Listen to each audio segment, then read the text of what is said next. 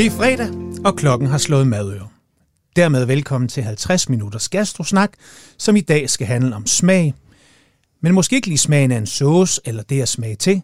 Nej, det skal handle om at bedømme andre og dermed andres smag. Det skal handle om anmeldelser, og det at anmelde andres mad og vin. Som altid er jeg flankeret af en gæst, som skal være med til at løfte programmet, give det adspredelse og kulinariske vinger. Og i dag har jeg inviteret dig, Søren Frank. Velkommen til Madø. Tak. Du er journalist, anmelder, mad- og vinredaktør på Berlingske. Du er forfatter til flere rigtig gode vinbøger, blandt andet om Bourgogne og Champagne. Og så har jeg jo faktisk allerede anmeldt dig lidt. Mm-hmm. Så har du også din egen podcast, Søren Franks Vinkælder, hvor du sammen med den anden Søren, Søren Dam, hver uge smager igennem alverdens vine. Det her det er Madøre. Velkommen til en snak om det at mene noget og have en professionel holdning til andres mad og vin. Endnu en gang velkommen, Søren. Tak. Søren, alle mine gæster, de får sådan lige to hurtige til lige at blive varmet op på. Ja. Og nu udfordrer jeg dig sådan en lille smule med chancen om, at aldrig at kunne få bord igen på det her. Men har du sådan en all-time restaurant i København, en du bare altid tyr til, som du vil løfte sløret for her for alle vores lyttere? Nej, det har jeg faktisk ikke. Nej. Altså, når jeg endelig går ud og spiser privat, så vil det typisk være øh, en af de restauranter, som min, min mødanmelder, øh, Svend Rasmussen, har været ude på, ikke? Øh, og, og som jeg så derfor ikke har prøvet. Så I deler lidt hele ja, tiden? øh, Ja, og, og, og altså, så, så jeg, hvad kan man sige, jeg når, altså jeg er simpelthen ude og spise for mange gange professionelt på en uge, til at jeg rigtig har behov for en, en, en, en, et stamsted. Men, men jeg vil sige, når det skal ske, at jeg skal bruge en restaurant til et eller andet, ja. så går jeg så typisk efter verden, faktisk. Okay. Altså et sted, hvor jeg ved, at jeg vil blive forstået, øh, og man kender mig. Uh, og der, der er visse steder, hvor... For eksempel sådan et sted, som hedder, som hedder Barabba øh, i Stor Kongensgade, italiensk ja. restaurant, også meget sådan et, et vandingshul for, for, øh, for branchen, for, for, hvad hedder det, for restaurationsbranchen. Og der, der er en øh, indehaver, der hedder Ricardo Masson, og han er samtidig en vanvittig god vært og øh, sommelier. Og øh, hvis han ikke er der, så kan det være, så kan det være katastrofalt. Altså heldigvis har jeg, har jeg, jeg, har, jeg har prøvet at, at tage derhen, øh, fordi det typisk kan være et sted, hvor jeg er gået hen, efter at have anmeldt en anden restaurant, fordi de i hvert fald før corona havde, havde længe åbent, ja. og som slags fungerede måske på en måde også en, lidt som en vinbar. Mm. Og hvis, hvis Ricardo så ikke er der, så, øh, så, så mærker jeg sådan en slags panik øh, øh, sprede sig rundt i kroppen. Fordi så er det måske nogle lidt yngre, ikke knap så faglærte tjenere, som ikke rigtig ved noget om vin. Og så er det ligesom ikke værd at tage derhen. Så, så for mig betyder, som privatperson betyder... Øh, altså hvad kan vi sige, servicen, betjeningen, ja. øh, især verden, altså mm. det, det, det, at man er i gode hænder, alting. Og det, det kan jeg jo også se på almindelige, hvad skal vi sige, herre og fru Danmark, læserne, hvem det nu måtte være, der går ud og spiser, det mm. betyder utrolig meget. Er det fordi, man også lige får et lille stykke af den overordnede fortælling, hvis man lige ser en Erik Vilgaard, eller der lige kommer chefen kommer ned til bordet, eller hvordan er det eller? Nej, egentlig er det, er det ikke. Det, for, mig, for mig er det nok det der med at blive forstået. Mm. Altså, hvis der står en eller anden, jeg er ked af at sige, det er ofte piger, det er fordi, de bliver ansat, fordi de så ser, ser, gode, ser godt ud, og, og det, altså, desværre så er det, det er ikke sådan, at, at alle piger ser godt ud, eller alle piger ikke ved noget om vin overhovedet, men jeg støder bare ofte på, det kan, det kan også være fyre, men de fleste af, af tilfælde er det, er det piger, som jo simpelthen er blevet ansat, fordi de er søde, og, og de er servile og alt muligt andet, de ved bare ikke noget om vin, og så kan det bare være utrolig meget op øh, af bakke, øh, kan man sige, hvis man altså, altså, altså hvis man har en vidende tjener, øh, så har man en hjælper. Mm. Øh, hvis man har en ikke-vidende tjener, så har man en, en modstander, ikke? Øh, og det er jo lige præcis altså, altså en, en, en typisk situation, som jeg sågar prøvede. Jeg har lige været oppe og besøge Cox på Grønland. Ja. En af de sådan større restaurantoplevelser, mm. en af de større helhedsoplevelser i mit liv, vil jeg sige. Men der var der, der, der deres rigtige sommelier, hun øh, er ikke med. Hun var, hun var hjemme på færøerne. På, så, så der var altså ud af de tre tjenere, der serverede for mig to kvinder, en mand, øh, de gav mig sådan nogle FOF-foredrag om vin hver gang. Ikke? øh, øh, inklusive om champagne og Barolo, som jeg har skrevet. Barolo har skrevet to bøger mm. om. Ikke? Og der er det bare, man må bare tænke, jamen altså, come on. Altså, kan man ikke, kan man ikke ligesom prøve, i stedet for bare at, at sætte den her plade på og mm. afspille noget, man har lært, ja øh, uden ad, ikke? Så prøv ligesom at se, hvem fanden du serverer for, ikke? Altså, har, har en mand, der har, der har skrevet 10 bøger om vin, altså, har jeg brug for et FOF-foredrag?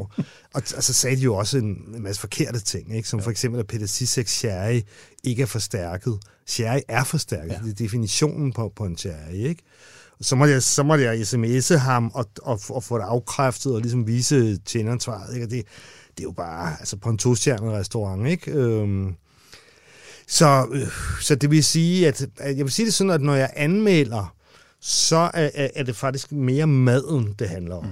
Okay. Og når jeg går ud selv, så vil jeg altid, altså jeg vil aldrig gå hen et sted, hvor jeg ikke øh, føler mig tryg og, og, og, og sikker på, på, på betjeningen. Og det, og det er simpelthen noget med det, jeg gør. Det er også noget at gøre med, at når jeg går ud og spiser selv, så, så vil jeg egentlig helst bare læse, så vil jeg egentlig helst bare altså det allerbedste, det er jo bare, hvis de siger, jamen altså, skal vi ikke ligesom, jamen, vi kan se, du er stresset, Søren, ikke? Eller du er ude spille tennis, du er nok, Søren er, er, lidt dehydreret i dag, ikke? Så han skal nok ikke have en masse blinder, og måske skal han bare, og sådan. Altså den der, den der med bare at kunne læne sig tilbage ja. og, og slå hjernen fra, ja, ikke? Og, være, ja. og, og så ved de bare, hvad der skal til. Hvad der skal til, ja. ikke? Ja. Øh, og, det der, og det er der jo nogle rigtig gode værter ja, rundt omkring som, øh, som formår lige præcis som, som, som formår det ja. der. Ikke? Og, og dem, dem opsøger jeg. Den ene er Ricardo Masson på Baraba, han har også den der propaganda. Mm. Den anden er uh, Jesper Boskifte, som nu igen er på, er på gulvet på, på, på Levi. Uh, og så er der en Jesper Markusen, som Pluto Gorilla osv. Han, han er ejer, så han, han surfer lidt rundt. Henrik Levinsen, som også har arbejdet der, men snart åbner sit eget. En anden af dem er så selvfølgelig Jan Restorff op på, på Søllerød Kro. Og så er der nogle par stykker. Der er også en gut, på, som før var på Safari, som nu er på Lamar. Det er ikke kun nødvendigvis meget dyre steder, men, men hvor man bare kan se, at når de siger, okay, der kommer Søren Frank, øh, hvor fedt. Øh, øh, altså, de går, ikke, de går ikke i panik og bliver bange, eller de sætter ikke en plade på. Tværtimod, så, så går de ind, altså så går de ind og, og spiller bold på en eller anden måde. Ikke? Og det, og det, lover, det, det, det, synes jeg er super fedt. Jeg lover, at vi vender endnu mere tilbage til din rolle og mm. Søren Franks rolle som anmelder. Mm. Fordi må ikke du får en lidt anden betjening, end jeg gør. Det vender vi lidt tilbage til. Vi graver endnu mere ned i, hvordan det er at være anmelder. Men skal vi ikke bare lige sådan hurtigt få etableret, hvem Søren Frank er for dem, der ikke ved det? Øhm, jeg føler, jeg kender dig, fordi at øh, ja, du har altid sådan været en del af mit liv i din rolle som madanmelder. Du har også lavet noget fjernsyn. Du, Søren Frank, det er sådan ligesom været sådan et begreb, der altid sådan har eksisteret. Mm. Øhm, det er jeg glad for at høre.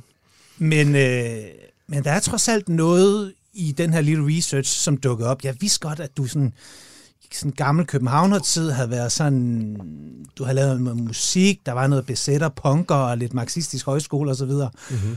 Og lige nu, der sidder der en meget, meget nydelig mand, som ved alt om Bourgogne. Øhm, det er jo et spændende spring, det her med fra ungdom til, hvor du er lige nu, eller hvad så? Ja, det er jo det, det er vel meget klassisk, ikke? Øh, det, det er jo, altså som en af mine kolleger skrev øh, meget vidtigt øh, om mig, da jeg tror, da jeg fyldte 50 måske, eller sådan noget, er, at man kan, man kan tage drengen ud og holde det, men man kan ikke tage holde ud af drengen. som er lidt af en omskrivning af det der med, at man kan tage mm. en eller anden ud af ghettoen, men man kan ikke tage ghettoen ud af ham. Mm. Og øh, at, altså, altså, så kan man så sige, at man kan jo, det, det kan da godt være på det tidspunkt, hvor jeg ligesom øh, droppede ud af, af gymnasiet, og følte, jeg droppet ud af, af, af, af alting, og flyttede ind i et besat hus. Altså jeg vil så også straks sige, at det var jo ikke et hus, der havde et navn, og at jeg var ikke med i organisationen som sådan, og jeg har aldrig øh, været så meget som i, i, i klammeri med, med en politibetjent. Nej. Øh, men, men jeg boede, jeg besatte en lejlighed i et, et hus, som var kondemneret, og som på et eller andet tidspunkt også blev ryddet og, mm. og, med, og jævnet med jorden.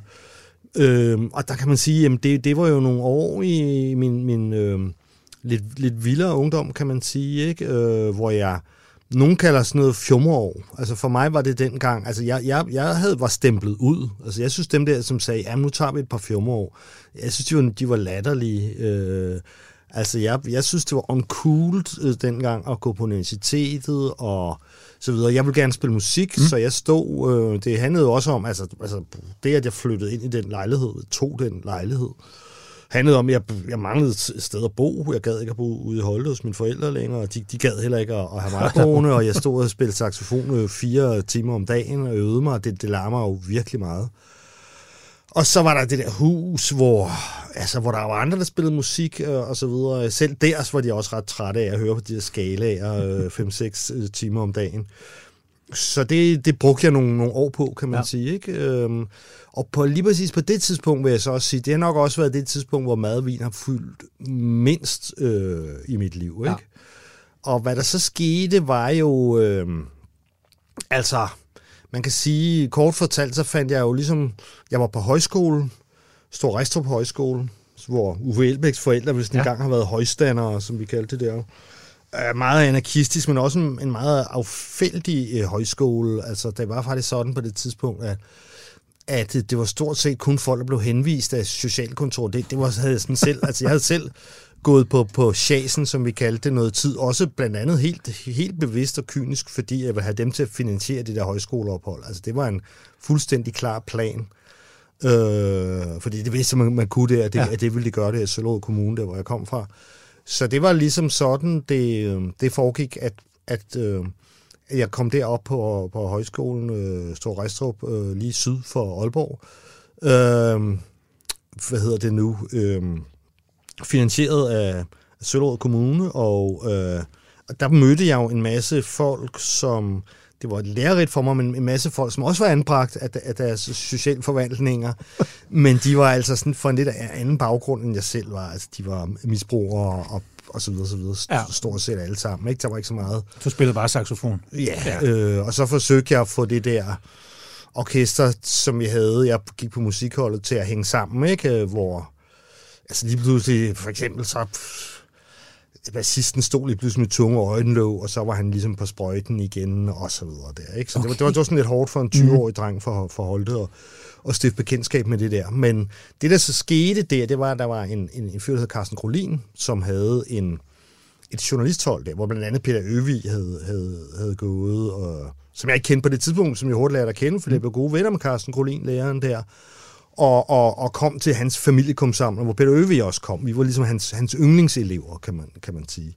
Så der startede det egentlig med journalistik, øh, og jeg fandt ret hurtigt ud af, at jeg var, som jeg plejer at sige, øh, mindre dårlig til at skrive, end jeg er til at spille saxofon. Og jeg, jeg kunne godt lide at komme tilbage til noget intellektuelt. Ja. Øh, det, at det føltes godt at begynde at skrive meget hurtigt. Så blev jeg tilknyttet som freelancer et musikblad, altså inden der gik, stod, altså, da jeg kom tilbage fra højskole til København, så, så, så droppede Carsten Collin også højskolen, startede noget journalistkursus i København, og jeg gik der på det første kursus, og i løbet meget kort tid, så, så skrev jeg på et musikblad, ja. som, som, som hed MM dengang. Ja, okay. Grunden til, at jeg også lige har det med, Søren, det her med den marxistiske højskole og det her, det er jo, at der er en spændende kontrast derfra, og så til den overskrift, som mange måske læste for et halvt års tid siden, hvor otte mand på Søllerød Kro ja. virkelig gik amok. Og altså, altså, jeg er jo en af dem, der... Jeg elsker vin lige så meget, mm. som du gør, og var bare ked af, at der ikke, vi ikke kendte hinanden en lille smule bedre. Der var mm. en, der blev syg, for jeg kunne ret hurtigt have cyklet til Sønderød Kro, hvis det skulle det fra Tornby. Mm. Men øhm, kom lige bare lige med den historie ganske kort. Hvad, hvad, hvad var det nu, det gik ud på?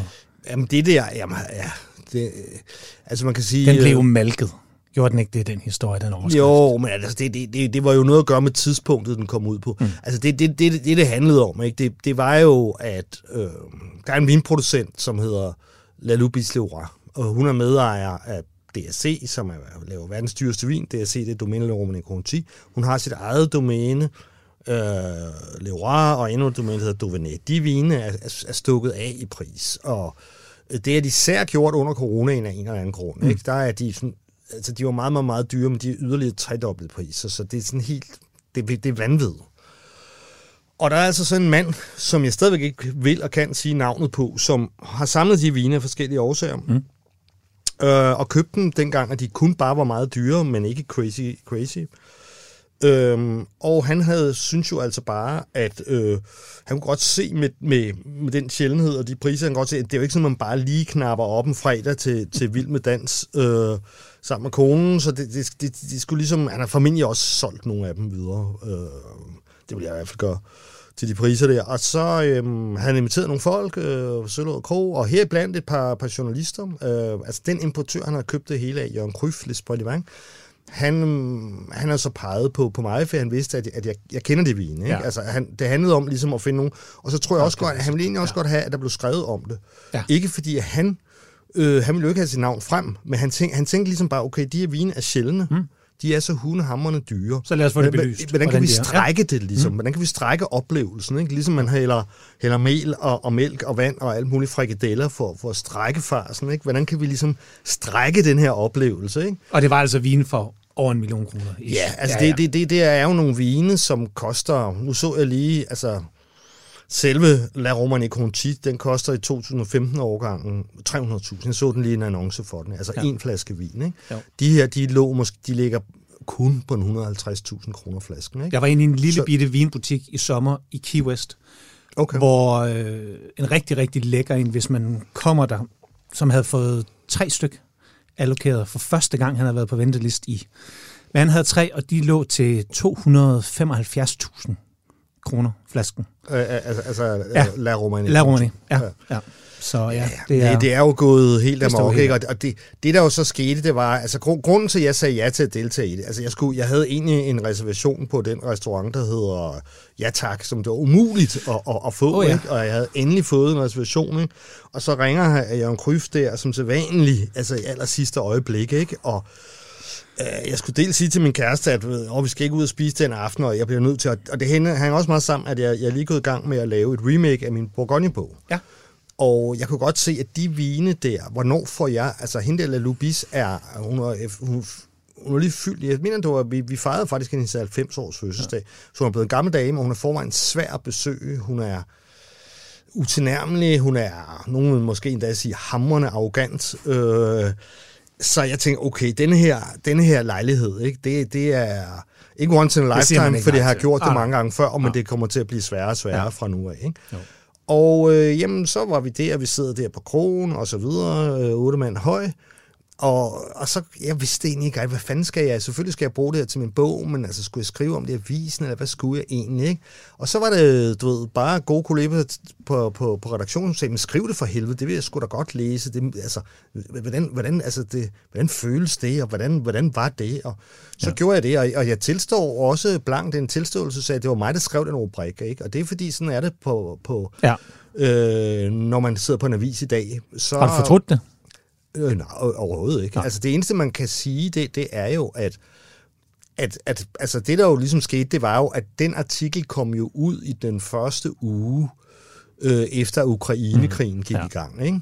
Og så var der jo øh, utrolig mange mennesker, altså inklusiv folk, som jeg ellers troede var, var begavet og havde højt til loftet, så som Ditlev Tam for eksempel, øh, cross, crossdresser og, mm-hmm. og så videre, øh, Fris Arne Pedersen, øh, gammel, meget stor diplomat, har været øh, hvad hedder det, hvad hedder det, ja. sådan noget, ambassadør stort set alle steder, altså som jo ligesom fik ondt et vist sted over det der, ikke? og mente, at de der vine i stedet skulle være aktioneret, og pengene doneret til Ukraine. Ja. Ikke? Men det er jo, altså, jeg, jeg synes jo, det er en absurd tanke, ja. også fordi man kan sige, jeg er sikker på, at, at, at altså, jeg ved, at det er jo sammen på herinde i byen, hans lejlighed er jo Ja, han hvad, kunne... hvad, den, den er 15 millioner værd. Han behøver ikke at bo i København K. Hvorfor sælger han ikke den uh, aktionærer de Præcis. penge? Uh, altså, det samme med alle de ja. læsere, der skrev med rungsteder og uh, adresser. Ja. Ikke? Altså, hvorfor, uh, og hvorfor, hvorfor kan man så overhovedet køre rundt i en Porsche? Og, kan man noget, og man skal så også ligesom tænke på, at de her vine var jo ikke noget af den her hemmelige donor. Det var ikke nogen, han lige var ude at købe eller noget. Det var nogen, han havde købt for en fornuftig pris for mange år siden, ja. og, og han havde købt dem for at smage dem, og det var det, han gjorde nu. Og på det tidspunkt, det var Lalou Bisses 90 års fødsel, der kunne han jo intet vide om, at der går en krig i gang. Og i øvrigt så noget, noget helt andet, den der for lige at lægge det ned. Det absurde er jo, at desværre er der jo langt værre krige i gang, for eksempel i Yemen, end, end den i, i, i øhm, i Ukraine. Ja. Og der må man jo så bare sige, hvis ikke man kan nyde en god flaske vin, når der er en krig i gang, øh, hvornår kan man, altså det kan man jo aldrig så. Altså så kan man aldrig gøre øh, noget som helst. Nej. Men det er da klart, at hvis man ville have haft et budskab, hvis der var nogen, der gerne ville have solgt den vin, hvis den her person, donoren, godt vil føre sig selv frem på, på en eller anden mm. måde, øh, så har han valgt det forkerte tidspunkt. Øh, det, det, det kan man godt sige. Jeg fik enormt mange kliks, og, og, og, øh, og, og det, det gav, altså, det, det er vigtigt for mig, det, at jeg har min ledelsesopbakning, og det, og det har jeg nu. Øh, ja. Det har ikke altid været sådan på Berlingske Tidene. Der, der har været andre, og der kan man jo selv sidde og kigge tilbage i, i andre ejerskaber og, og andre lederskaber, hvem det, hvem det måtte dog måtte kunne være, men jeg har bestemt haft en, en, en, en chefredaktør og, kun, som samtidig var koncerndirektør, som på ingen måde bakkede mig op på den måde der. Men jeg bakker det op, og jeg kan kun virkelig sige til alle, hvis man også er interesseret i, hvordan oplevelsen var, jamen så kan man jo stadigvæk finde artiklen. Jeg tror stadigvæk, om den ligger tilgængelig, eller bag en betalingsmur, men uh, ja, men, so men, men, it. Men, men, og faktisk lavede vi også en podcast-version ja, ud af den, øh, hvor man så kan, ligesom kan høre det, som jeg live. Vi har så, vi sidder ikke og drikker vinene der, ah, men, men vi, vi går ligesom igennem det, ikke? Øhm, men, men jo, det, det, var da, det var da i hvert fald den øh, vinartikel, jeg, jeg nogensinde har skrevet, som har givet flest klik. Præcis. og apropos klik og det at anmelde ting, så, øhm, så tror jeg, at alle har et eller andet form for forhold til anmeldere. Det, det har jeg i hvert fald altid selv haft. Jeg har haft det sådan, at for mig handler det om at finde en, jeg er enig med. Så hægter jeg mig på, og det gør jeg til, at jeg på et eller andet tidspunkt måske bliver hægtet af. Er jeg uenig, og så videre, og så videre. Øhm, men, som sagt, alle har en mening. Men livet som anmelder, Søren, er det noget, du vil anbefale? Er det fedt at være anmelder? Øh, for mig øh, synes jeg, det, det er ret fedt, ellers ville jeg jo ikke være det. Altså, altså, altså så, så presset er jeg jo trods alt ikke, at, at, at jeg vil gøre et eller andet i... Altså, jeg har jo faktisk været anmelder siden, jeg, som jeg fortalte, da jeg var 20 år, begyndte at skrive om, om dengang ja. sådan punket rockmusik, eller hvad man skal kalde det. Men hvad er det bedste ved at være anmelder på Berlingske? ja. Jamen, det bedste ved at være anmelder på Berlingske, det, det, det vil jeg ligesom gå hen til et helt andet øh, sted, og så vil jeg så sige, jamen, det er det bedste for mig med at være anmelder, det er, øh, altså når vi, nu hvor vi snakker om restauranterne, ikke? Mm. der er det jo den fantastiske restaurantscene. Altså fordi det er jo ikke, det er jo ikke mig, det handler om. Det kan da godt være, at jeg har min personlige stil og, og, og, og, og folk, der følger mig. Men, men, men det, jeg lever af, ikke? Altså det, det er jo, at der er en spændende scene. Ja. Så nogle gange kan jeg da godt, kan jeg da godt øh, tænke ved mig selv, kan vide, hvad der var sket, hvis det nu bare havde gået ned ad bakke. Altså hvis det simpelthen havde været altså, gået, gået tilbage for, ja. for dansk gastronomi, for den københavnske gastronomi, fra den dag, jeg startede. Ikke? Men der er det jo altså bare sådan, at det kun er gået fremad hele tiden. Ikke? Øh, og det gør det hele tiden. Det udvikler sig hele tiden. Det kan godt være, at der ikke sker så meget i dag på det sådan ultra super fine dining, som vi jo er ret gode til i København. Øh, det, der, er, der er jo sådan ret fyldt op på den, på den hylde, ikke? så der, der sker lidt nyt, men ikke så meget. Og det, det er jo et spørgsmål om kapacitet, at, at det koster mange penge. Ikke? Men så i øjeblikket, der sker det jo... Altså, jeg sidder faktisk lige nu, og øh, da jeg gik over gaden her for at være med i det her i studiet her, og var i gang med at skrive en, en anmeldelse af burger. Vi, det er noget nyt, vi er gået i gang med, og, og kigge på det segment, der ligger lige under bistroklassen, lige under middelklassen, fordi der, der sker en stor udvikling der, ikke? På pizzaer, på burger, på vinbarer. Skal I til at have det yngre segment også nu? Nu driller jeg lidt og kigger på, Nej, fordi det, typisk er der jo den her gamle avisanmeldelse, som jo nogle gange måske står lidt i, sådan i skærende kontrast til, øh, vi havde to gæster her på et tidspunkt for en tre måneder siden, det der hedder De To Sultne Piger, ja. som, øh, som anmelder jo på en helt anden måde. Mm. De er jo dels anonyme. Øh, man ved ikke helt, hvem det er. Nogen gør måske, de bliver måske mere og mere, men altså i det store hele går de jo ind og får en oplevelse, hvor de ikke ved, hvem er. Mm. Hvad det, du også sagde i din indledning, det her med, når Søren Frank kommer, så ved man jo, det er Søren Frank, og hvad han tit kommer for i hvert fald. Ej, det, det, det vil jeg Eller ikke sige. Det er jo nogle steder, hvor, hvor jeg kender dem. Altså, nu mixer du det hele sammen. Okay. Øh, altså, vi var, altså, vi var, lige, vi var sådan set lige ved at snakke om, at, at, at tingene, du ved, det der, du spørger mig først øh, det her med burger, så siger du, skal I til at have fat i de unge, og så lige pludselig, så er vi over i noget med... Okay, så lad os adskille det. og sådan noget, ikke? Så nu, jeg føler lidt, det, mud, det, det mudder lidt sammen okay. her lige nu, ikke? Så for lige at runde den der af med, hvorfor gør vi det, og skal vi, er det for at læfle for de unge? Det er sådan set bare, for mit vedkommende har jeg slet ikke skænket det en tanke, fordi okay. jeg, jeg har ikke rigtig set nogen analyser af, hvem der er vores webbrugere. Jeg kan bare se, at det er i sin tid, da vi skrev om, om Nomas Burger, Øh, der gav det enormt mange kliks, og da vi så efterfølgende lavede en guide, øh, her er fem af, af byens bedste burgersteder, hvor du ikke behøver at stå i kø, som til Nomas, så gav det også rigtig godt, og så ser jeg, så ser jeg simpelthen bare, at, at det, det er der, hvor der sker den vildeste udvikling. Jeg, jeg har også mm. bemærket, at her, især oven på coronaen og under mellem de op- og nedlukningerne, at der kommer rigtig, rigtig mange vinbarer. Så det vil sige, at, at der, hvor den store udvikling sker, er, er i det der segment. Og jo, du har ret i, at, at øh, de er relativt unge, dem, der sidder der, men altså ikke desto mindre, og sådan opfatter jeg ikke nødvendigvis Berlin skal læses, men ikke desto mindre, så er der pænt godt med kliks og interesse i, øh, i det der med pizza og burgerne også. Men så lad os holde fast i den klassiske avisskrevne anmeldelse af ja. Søllerød Kro, kvæg en lidt hurtigere klikartikel omkring burger. Ja, men, jamen det er jo, for mig at se, er det, er det jo sådan set bare et spørgsmål om, nu gør vi det to dage. Ja. Altså mine konkurrenter på politikken, de blander det hele sammen en stor pærevælling, og det kan jeg ikke forstå, for de gør, fordi jeg, jeg bliver selv jeg bliver forvirret derude hele Jeg, jeg kan simpelthen ikke forstå det, Nej. når de giver en pasta bare seks stjerner, og, og, og nogle sliders øh, fem stjerner, og altså jeg kan ikke rigtig forstå det. Så det vi ligesom har gjort, det er, at vi beholder øh, altså på print øh, der har vi så det, vi kalder en restaurantanmeldelse i dag. Ja. Det er det der, som du siger, Søllerød Kro. Mm. Ikke? Det, det er restaurant, og der går skalaen til seks stjerner, og det er den ultimative oplevelse. Det er sådan sådan Noma, Caranium og sådan noget, det er seks stjerner.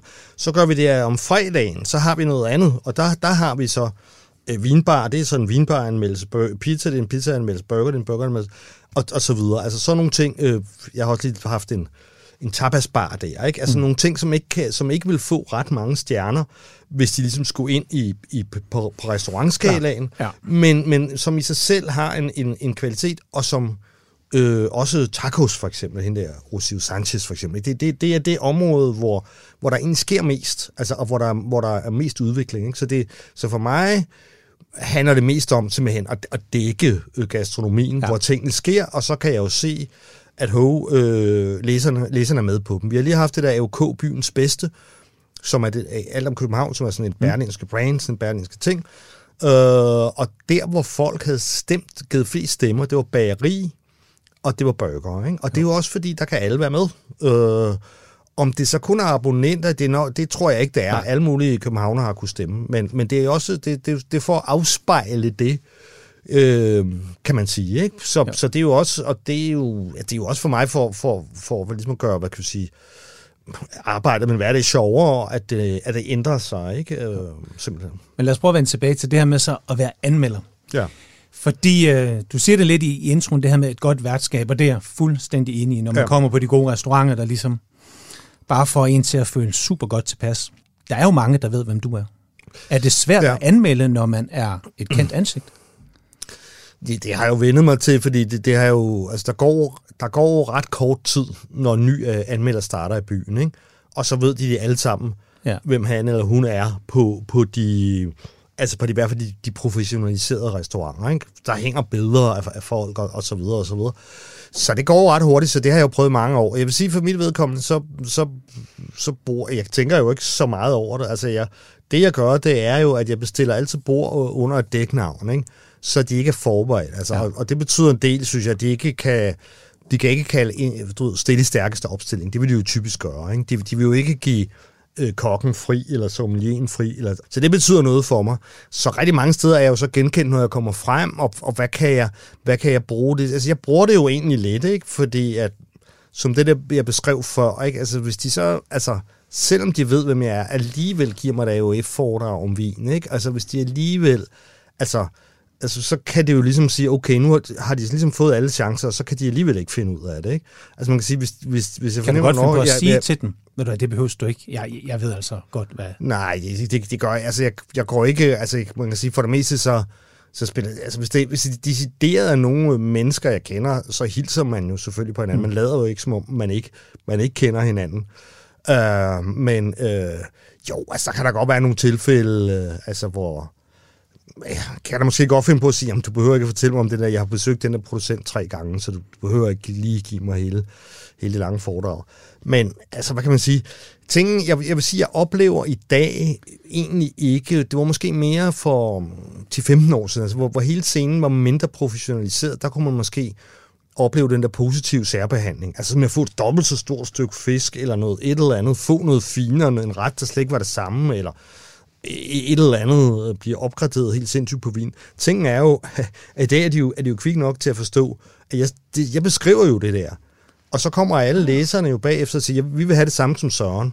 Og så får de jo et problem, hvis ikke de, hvis de har givet mig Romane Conti, øh, så kommer alle de andre jo også at være Romane Conti til 50 kroner, eller, eller hvad det nu måtte være, de har, de har givet mig af vanvittig særbehandling. Altså har, har, du hørt om det, altså fra restauranter, hvor det simpelthen er sket, at nej, der nej, er nej, nej, nej, nu siger jeg det, jeg nævner det bare som ja, et ja, ja, overdrevet eksempel, det, men, altså, men, men det er bare ja, ja. for at sige, at, at, at, at når jeg kommer, og, og, og hvis det er nogen, der kender mig eller genkender mig, det, ja. det er jo selvfølgelig en, en, en, en del, bortset fra de mest, kan man sige, etniske restauranter, øhm, så vil de, altså så vil de lægge to og to sammen. Ikke? Så, så kan de sige, hov, der kommer Søren, øh, men han har jo bestilt, der står ikke nogen Søren i, i ordrebogen, der han har bestilt under helt andet navn. Ja. Det kan jo nok kun betyde én ting, han er ude for at anmelde. Ikke? Mm. Og, og der kan man så sige, øh, der, der vil, altså, som jeg ser det, så vil de jo så ofte sætte en god tjener på. Ikke? De, de lader jo ikke, de lader, lader ikke tjener-eleven tage, tage mit bord. Øh, men ellers så, øh, som jeg ser det, så oplever jeg, at de temmelig meget giver mig den behandling, som andre også vil få. Fordi, fordi okay. igen, det vil jo blive beskrevet, og folk vil kræve at komme og få det samme. Har du nogensinde lagt, lagt vægt på det i en anmeldelse, at du bevidst har følt, nej. Jeg, jeg får simpelthen noget ekstra, nej, nej, jeg får nej, noget, nej, andre ikke vil nej, få? Nej, nej. Det, det, fordi så kan jeg lige så godt lade være med at skrive anmeldelsen. Okay. Jeg, jeg kan godt se, at der er nogen, der gør det, men jeg synes, at det er... Okay det, det, det er, hvad hedder sådan noget, jeg synes ikke, det, det, det er særlig klogt gjort, altså det, det er meget urutineret gjort, forstået på den måde, at det er jo det samme som at sige, uh, altså det, det tager jo hele troværdigheden ud af anmeldelsen, ikke? Altså det, det, så, så du kan næsten lige så godt droppe det og øh, øh skrotte anmeldelsen, ikke? Eller, eller med det samme sige, øh, tro ikke på alt det her, hvad de gør og sådan noget, ja. fordi jeg fik en særbehandling. Ja. Og så, jeg, jeg ved ikke rigtig, hvad læsen skal, skal kunne bruge det der til overhovedet. Så, så jeg må indrømme, at det går jeg udenom, øh, fordi at, at, at, at det er... Hvis jeg, hvis jeg, hvis jeg for eksempel en gang kan huske, for vi er tilbage i 1999, da Le Sommelier åbnede, ja. der var den tjener, øh, som serverede for mig samtidig en af mine tennismarkere. Og eller, en, jeg spillede tennis med en gang imellem. Pascal Mix hedder han. Og øh, så havde jeg skrevet i anmeldelsen sådan, og, og tjeneren som parentes bemærket af min tennismarker, eller sådan noget, ikke? Øh, øh eller som jeg spiller tennis med en mm. gammel, serverede sådan og sådan. Og så er det klart, så sagde redaktøren jo bare sådan sådan, helt ærligt, øh, tror du ikke, altså, synes du ikke, vi, ligesom, vi, vi, vi bare ligesom skal, skal, skal strege den der, for det er jo ligesom om, at det får hele, øh, det, altså det, det, mm. det tapper jo troværdigheden på hele artiklen, mm. fordi okay, det er Sørens gode ven, der har serveret for ham. Nå, hvad kan man så overhovedet, altså, altså kan man så overhovedet stole på noget af det her? Ikke? Ja. Er det hele en stor vendetjeneste? Er det hele, er der overhovedet noget af det, som Pascal har serveret for, for Søren og sådan noget. Der, der, så derfor er jeg jo selv nødt til at gå ind og vurdere. Så hvis jeg ligesom fornemmer, at ho, nu får jeg lige pludselig et glas vin der, som ikke er, en, en, en del af, af den normale, hvad skal vi sige, diæt her på stedet, ikke? Så, øh, så går jeg uden om den. Altså, fordi så det, tillægger du ikke det noget vægt i anmeldelsen? Ja, så, så, så, ja. så, så, så tager jeg den bare ud, så ja. beskriver jeg den okay. ikke, jeg tillægger den ikke Nej. nogen vægt. Jeg, jeg, jeg, jeg sletter den simpelthen, eraser ja. den simpelthen. Fordi hvis jeg først begynder at skrive det der, jamen som sagt, så vil det, så vil det ligesom give fornemmelsen af, af, af noget, altså det, det vil punktere hele troværdigheden på, på hele anmeldelsen. Hvad er den bedste anmeldelse, du har skrevet på din største madoplevelse? Er der sådan en, hvor du bare tænker, det der, det var pissegodt anmeldt, og hvor var maden suveræn? Altså din største madoplevelse? Ja, altså det, det er jo ikke, altså, altså hvis det var så banalt, så, så ville jeg jo ikke være, så ville jeg ikke bruge så stor en del af mit liv på det her, hvis, hvis, hvis det var så nemt. Men altså lige nu, så slår det, så springer det mig der i øjnene, at øh, det jeg faktisk lige har skrevet den for, forgangne weekend her med besøg på Cox i, i Grønland, ja. som ikke var en decideret anmeldelse, fordi her, der var jeg, øh, der var jeg faktisk, hvad hedder det, inviteret, og dermed så, så, så anmelder jeg ikke.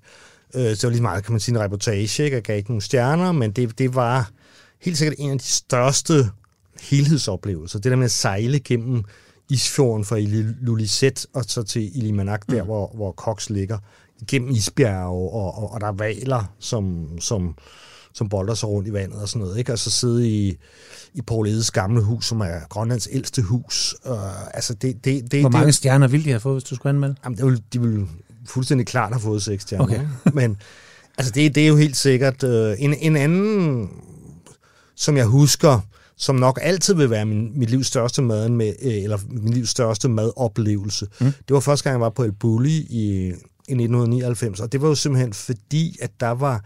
Jeg siger ikke, at den mad, man fik der, var bedre end Cox eller Noma, øh, men det var en, en revolution øh, simpelthen øh, ja. dengang. Ikke? Altså, han havde jo ligesom taget og kan man sige, vendt alle former på hovedet. Ikke? Altså, mange af de ting, han lavede dengang, er jo blevet normalen i dag. Skum for eksempel, servere lave retter i shotglasser på, på skeer og, og du varm gelé og en masse, en masse formmæssige ting især. Men, men på det tidspunkt var det jo helt rystende for mig. Mm. Ikke? Altså, det, det er jo Altså, det er jo sådan, første gang var det ligesom en restaurant, hvor, hvor folk kunne sidde og grine og græde, og, og altså, hvor man som rørte en på alle mulige punkter. Og, og altså, dengang skal man jo tænke på, der var, der var det jo ligesom det franske køkken, og det var ligesom Kong Hans, ikke? Det var ligesom tykke damaskstue og kandelabre, og det var Jonna Dvinger øh, øh, mm. øh, for politikken, der skrev om de her øh, tykke damaskstue for Georg Jensen. Og, altså, det var hele det der sådan meget borgerlige, ikke? Og det hele det der meget franske. Så, så det der, det, det rystede mig virkelig, ikke? Og det var virkelig det der med at så sidde og interviewe for René Adria, som kokken hed, som sammenlignede sig selv med Picasso, og så ligesom, ligesom Picasso havde en blå periode, så var han nu inde, inde i, øh, gået for sin mm. skumperiode, og var nu inde i sin gelé-periode, ja. ikke? Og, og det, det var lige vand på min mølle, det der. Og det, det, så det vil nok, det vil nok, selvom som sagt, at, at maden i dag helt sikkert ville synes banalt, ikke? Så, var det, så var det sådan en af de sådan mest mindblowing um, oplevelser, jeg har haft. Hvad så med det modsatte? Jeg ved godt, det kan være lidt banalt. Der er altid nogen, og jeg vil sgu også, jeg er også altid lidt nysgerrig på, hvornår er det virkelig, virkelig gået galt. Du er kommet ind, haft en forventning, og så ja, er korthuset der, der er jo et par stykker, som så også er blevet legendariske. Ikke? Der var der nogle læse, jeg var til en læsearrangement sidste uge, hvor der var nogen, der mindede mig om. Det var især min, min tidligere anmeldelse, hvor, hvor jeg nok også var lidt hårdere i filten, end, end jeg er i dag, og hvor, hvor scenen altså var så meget mindre professionel, øh, og hvor madanmelderiet heller ikke var så så kritisk, som det er i dag, altså professionelt, så, så man kan sige, så der var, der var, der var, der var flere bejmænd, der skulle uddeles, og håndmad, og hvad man nu kunne sige. Men altså, et af dem var, var St. Gertus Kloster, altså, som jeg lige har, hvad kan man sige, genhusket, altså, hvor der var en, faktisk en læser, der sender en håndskrevet brev om det her sted, som jo var byens dyreste på linje med, med Kong Hans, ikke? men som var et, et lang gang fake. Altså, man kommer ind, og så, så er det jo ligesom et provinsdiskotek, hvor du betaler for, for garderoben, og, og hvor der står sådan en pige og tager imod. Ikke? Og vinene havde sådan nogle, der lå tæt på Romani Contilla, tæt på Valbuena eller Vega Sicilia, ja. men det var bare ikke. Altså, det var close, close på no cigar, og så var det hele, det hele var jo gennemlatterligt. Altså, jeg kunne jo så se ved siden af, sidder der så nogen sådan et fødselsselskab, sådan en pukkelrykket familie der, og de virkede som nogen, der slet ikke var vant til at gå ud og spise med kniv og gaffel. Ikke? Så var der en, der sidder og siger, ja, er det ikke lidt tørt, det her kød? Det må du ikke sige, det, det er jo et fint sted, så det er nok bare os, der er galt på ja. den, ikke? Og, og det levede de jo på. Ikke? Plus, at folk blev jo kørt fra, fra krydstogsskibene og, og henvist fra, fra hotellerne derhen. Ikke? Men det var, det var en stor to, turistfælde, ikke? og dem, dem, dem gav jeg så en ordentlig barmand. Og det var dengang, der var noget papirvis, og, og der var, hvad hedder det, øh, hvad hedder de nu, de der øh, spisesedler ja. der udgaden, oh. ikke? Så, den kom jo både på et et forsiden, sådan en tegning som med bundefanget i kælder i et eller andet med klosterkælderen, ikke? Og, og, og, og den kom øh, på, på alle de her spisesedler rundt omkring i byen, så det var, sådan, det, var, det var en ordentlig omgang. En anden gang, det var, det var så der, hvor jeg blev smidt ud decideret, hvor min daværende kone var højgravid. Øh, med min yngste søn, og hvor, hvor vi simpelthen blev smidt ud af restauranten. Okay. På, på et sted, der hedder Paraplyen. Så det, det er nogle af de sådan lidt mere, okay. de, de, som folk husker. Ja. Søren, tiden går ja. virkelig, og øhm, vi kommer ikke uden om din store, altomfavnende passion for vin. Mm. Og jeg har en vin med. Ja. Men jeg vil høre, har du lyst til glas? Jeg har, ikke så meget, jeg har ikke så meget, jeg har lyst til at smage på den. Øh, jeg skal ikke, jeg spytter ud her, som jeg normalt, når jeg smager. Øh. Fordi du har jo en podcast, Søren Franks Vinkælder, og øh, hvad handler den om? Nu skænker jeg op her, mens du lige... Uh... Ja, men den handler om, om alle mulige forskellige slags vine. Det er mig og min kollega, som, som typisk smager en 5-6 forskellige vine. Øhm, bruger et sted mellem en halv og en hel time på det øh, en gang om ugen. Øh, og så pløjer vi ligesom rundt i... Øh, ja, i forskellige, forskellige steder i, i, i, i verden. Altså også, også sådan meget, hvad skal vi sige, nye eller fjernlæggende steder. En, en ting, vi har coming up, er for, er for eksempel de kanariske øer. Ja. Øhm, men det kan også være en ny årgang i Bourgogne, for eksempel. Hvor kommer hele din vin, sådan vinpassion fra, sådan dine vininteresser? Ja, altså, altså for mig hænger det jo meget sammen med maden. Altså jeg kan på den måde ikke så godt skille det ad, men der, hvor jeg fik lejlighed til at dyrke det, var jeg jo så helt sikkert Øhm, ja, da jeg var sådan lidt, lidt træt af alt det der rock and roll og alt, hvad det nu fører med sig, mm. så, så, og begyndte, så begyndte jeg at studere, og jeg begyndte sådan ligesom at, at, at, at, at hvad kan man sige, blive, blive, løbet hundet lidt af mig. Så samtidig så var min forældre og min far blev udstationeret, arbejdede nede i NATO, nede i, nede i Bruxelles, og, øh, og fik en eller anden form for diplomatstatus, så han havde meget billig adgang til vinene. Så det vil sige, altså det hele taget var Bruxelles jo ret vigtigt. Det kickstartede meget både min mad og, mm. og, vininteresse, fordi det var jo før København rigtig var blevet noget, der var Bruxelles et fantastisk sted. Og så var der pludselig øh, adgang til de her vine her, og, og, og der var det ligesom, der var det, det, det hjalp jo på det, ikke? At, de jo. var til at, at de var til at komme til, og så begyndte jeg ligesom at nørde det, og, og det er nok også det, at man kan, man kan blive ved med at læse om, man kan blive ved med at blive, blive klogere, ikke? Og, øh, ja, og så er der, så er der til den der, altså, hvis, hvis jeg skal sammenligne det med øl, for eksempel, så vil jeg sige, jeg kan også rigtig godt lide øl, men det er sjældent, du, du ved, det er sjældent, at øl taler til mig på samme måde. Øl er lidt mere indimensionelt, så det ja. vil så også sige, at hvis jeg, hvis jeg ikke skal drikke for meget, hvis jeg ligesom, du ved, nu skal jeg have en god søvn, jeg skal ikke have for meget alkohol, så drikker jeg øl til min aftensmad, så kan jeg klare mig med en relativt let pilsner. Det, det man sige, den taler ikke til mig. Den begynder ikke ligesom at sige, den har ikke sådan et eller andet budskab, som jeg bliver nødt til at synke dybere, dybere i, hvor vin er, oftest er altid ja, har, har, har, har, har et ekstra, nogle flere lag, som man kan fordybe sig i. Ikke? Det er det, jeg synes er fantastisk. Og jeg har skænket noget i glasset, og øh, du får den blind, fordi øh, i jeres podcast, der blinder I jo ikke så meget, og nu Nej. tænker jeg, at jeg har selv taget det her blindsmagning til mig, og øh, synes, det er super spændende. Og har altid tænkt, når I sidder og laver podcast, ja. kan han egentlig smage ja. ham, den grå rev der? Altså, hvor god er han? Hvor meget blinder du selv, sådan? Og lad os endelig få øh, bud på, hvad, øh, hvad du tror, der er i glasset. Jeg kan sige, at det er en hvidvin. ja, den er sådan ret gylden i farven. Jo, men det, det, det hænder. Altså, specielt når vi mødes i Madermelderforeningen, så, så er det altid sådan en lille juleleg, vi har. Ja. Øh, ja, altså, altså den, den, den er ret dyb gylden, ikke? Og det siger mig jo... Det kan jo så enten betyde... Det, det, det betyder jo ofte et eller andet noget med en form for oxidation. Det kan også være det gyldne kan jo også, det kan være et varmt område, det kan være, at den er, det kan være, at den, altså umiddelbart vil jeg tænke, at den er fadlæret, fordi den, den, den har sådan en, en, større dybde, ikke? og den har, den har en eller anden form for oxidation, en eller anden form for alder. Skal jeg lige prøve at, at ja, smage? Ja, lad os prøve at smage. Jeg vil sige, jeg kan absolut godt lide det her. Ja. Det kan jeg. jeg kan Hvorfor kan du godt lide Jamen, jeg kan bestemt godt lide den, fordi jeg kan lettere gøre det ved at beskrive, hvad jeg virkelig ikke kan lide i en hvidvin. Ja. hvis den der havde været farveløs og grøn, så jeg kunne se, at den var bleget med kul. Hvis den, hvis den, jeg kan ikke lide, når, de, når hvidvin er koldgæret øh, øh, med, med, med, med, med kultur, med, altså med industrigær øh, på stål. Og det her det er en vin, som formentlig har fået noget, noget træ ved at skyde på. Der er noget ild, der kunne passere ind til vinen. Den er ikke gæret kold, den, er, den, den smager mere naturligt på mig, den smager mere organisk, øh, uden jeg skal ikke kunne sige, om den er øko eller ej. Altså, den er, den er lavet, den har fået noget træ ved at, mm. ved at skyde på. En hel del træ, det, det er meget, den er defineret af sit træ, ikke? Og altså, det jeg tænker på, altså først om jeg tænker på hvid Bourgogne som det første, fordi, fordi den ligesom er lavet i din, i din hvide Bourgognes billede, tænker jeg.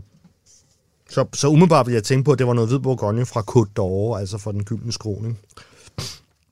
Det er det ikke helt, men øh, Nej. Drue Chardonnay rammer du selvfølgelig Ja. Rigtigt. Men, øh, og stilen beskriver du så faktisk også fuldstændig. Ja. Øh, og man ikke også, de har skævet en lille smule til... Øh, Nå, ja, selvfølgelig. Ja. Til, øh, til ja, men det er jo en øh, som jeg har drukket mange af. Ja. Ja. Øhm, den, øh, vil du løfte sløre for, hvad det er? Jamen, det, det er jo ja, måske min yndlingsvinmager i, i Kalifornien. Øh, det og er også min. Producenter hedder Sandy, og bag Sandy så står, øh, og, og det er en Chardonnay fra Santa Rita Hills, øh, årgang 2018. Mm. Bag Sandy, der står øhm, en vinmager, der hedder Sashi Murman, og en sommelier, der hedder Rajat Par. Øh, og, og ham der, Sashi Murman, han har virkelig forstået det. Altså, han, han, altså faktisk, faktisk så laver han nogle af vine helt uden svovl. Jeg, jeg synes ikke, de smager som altså funky og langhår som naturvin, ja. men de... Øhm, ikke desto mindre, så laver han flere af dem uden svovl. Det han gør, det er, at han høster meget tidligt. Han er meget opmærksom på, at man skal have en høj, der skal være en høj, høj, høj syre. Øh, og det, det preserverer simpelthen vinen der. Ja. Så jeg synes, øh, jeg, jeg er en kæmpe fan af ham, og, og, og, du ved, og det her, det, det kommer ikke bag på mig, at det er den vin, også fordi han laver, han har studeret Bourgogne tættere end de Bourgogne-bønderne ja. selv. Altså, han ved, han ved bedre, hvad de laver, end de selv gør. Altså, og, og, det, øh, og det har han jo gjort for, for at kunne lure dem af, altså for at kunne lave den stil i, i Kalifornien. Ja. Ikke? Så jeg er ikke utilfreds ved at have gættet det sted, jeg, jeg havde. Jamen, jeg synes også, øh, det er bestemt inden for skiven. Og, øh, og jeg er fuldstændig enig. Jeg ved, du har sådan lidt forkærlighed for natur og så videre og så videre. Det her, det ligger sådan lige der, hvor jeg personligt godt kan lide det, fordi det, det har sådan ligesom det bedste af begge dele. Det holdt det sådan et, et greb, hvor jeg synes, det, det skal ja, jeg synes, det er fuldstændig synes, det er, perfekt, ja. fantastisk vin. Også når man tænker på, hvad den kun koster, i hvert fald hvad jeg engang har købt den til. Laudrups Vine har det med, med at, det er fra Laudrup Vine på der, med at fluktuere lidt op og ned og sådan noget, ikke? men ja. altså, der er sindssygt meget syre, ikke? Den 2018, det, det, er noget, det er noget tid alligevel, det er fire ja. år for sådan en vin der. Ja. Skønt, så nåede vi lige at få vinen med. Og en sidste ting, vi også lige skal nå, nå Søren, ja, inden det. tiden løber helt fra os, det er, at alle gæster får lov til at tage en hemmelig råvare med. Ja. Et eller andet, der betyder noget, og vi har efterhånden så mange programmer øhm, i benene nu her, at jeg altid er spændt på, om der dukker noget nyt op. Og du sidder med noget for? i hænderne. Jeg tror ikke, den har været før. Så vil du ikke løfte sløret for, hvad det er? Jamen, det er hvidløg. Altså, jeg, og, og, og der, det er ikke noget særligt fancy hvidløg. Altså, jeg har jo været nede i Irma øh, herovre i Ilum her, og, og har taget, købt, hvad jeg, hvad jeg selv vil købe. Jeg, jeg kan godt lide, hvis det er endnu friskere, ikke? men ja. øh, det, det er noget spansk økologisk hvidløg. Men hvorfor hvidløg? Hvad betyder det? Jamen altså, fordi hvidløg er, er noget, som jeg altid har i mit køleskab, ikke? og så er det også fordi, at, den, at det kan laves på så mange forskellige måder, og så fordi, lige nu, Altså en anden ting, jeg kunne have gjort, det, det ville have været thai basilikum. Det er fordi, mm. en af mm. de moder, der kører lige nu på restaurantscenen, ikke nødvendigvis på, Noma Granium, men, men på, på, meget, på bistroscenen, det er konfiteret hvidløg. Ja. Og det smager simpelthen hammerende godt. Og det, det elsker jeg også selv at lave derhjemme. Og det er meget enkelt. Altså, ikke man, ja, lad os få det. Altså her har man sådan to, øh, to hvidløgshoveder, ikke? Ja. Og dem smækker du bare hele ned i en lille, så sådan en, en lille gryde til at smelte smør i, for eksempel. Ikke? Så lille som muligt, sådan, mm. så du ikke skal bruge for meget olie. Så vil du bruge en, jeg bruger en neutral olivenolie. Øh, altså sådan en pommes, altså sådan en, som ikke er for dyr, men det skal helst være noget, helst ikke solsikkeolie eller sådan noget, helst okay. noget olivenolie. Og så øh, bringer du det til at koge, så putter jeg det i ovnen. Jeg, jeg ved ikke i dag, hvad, hvad der er bedst, el eller gas, men hvad der er mindst dyrt, men det skal stå, det skal simre, altså det skal bare lige bløbe ja. en times tid. Og så har du noget, altså jeg har fået det serveret på Little Bakery oven på et stykke toast med, med gedeost, og så med sådan nogle hvidløg der. Og så tager man så feden ud, og altså, ja, så er de helt ja, bløde ja, og mushy ja. og Og, og så nogle gange får man serveret, så man selv lige må, må vælte dem ja. ud af, af, af kappen der, ikke? Øhm, så, andre steder har det fået serveret, hvor, hvor de ligesom laver en mus ud af det, ikke? Altså hvor de, hvor de, hvor de purerer det. Øhm, mister det lidt af styrken ved en konfitering i forhold ja, til, ja, hvis det man... Altså, det, det, det bliver ikke så pungent, det bliver Nej. ikke så skarpt, men det bliver mere sådan umami-præget. Ikke? Der, der kommer det, man kalder Maillard-effekt. Ikke? Så der kommer sådan både umami, den der dybe, det kødagtige smag, så kommer der den der lidt karamelliserede smag, og så sådan blød sødme, som er en utrolig rar smag. Jeg bruger det også til ned i dressinger. Mm. Øh, jeg bruger det i... Øh, i, i en kartoffelsalat, altså til sige, dressingen til en kartoffelsalat. Så hvordan opbevarer du, køler du ned? Så... Jeg, jeg, ja, det, det er bare altså, bliver en, det... en form.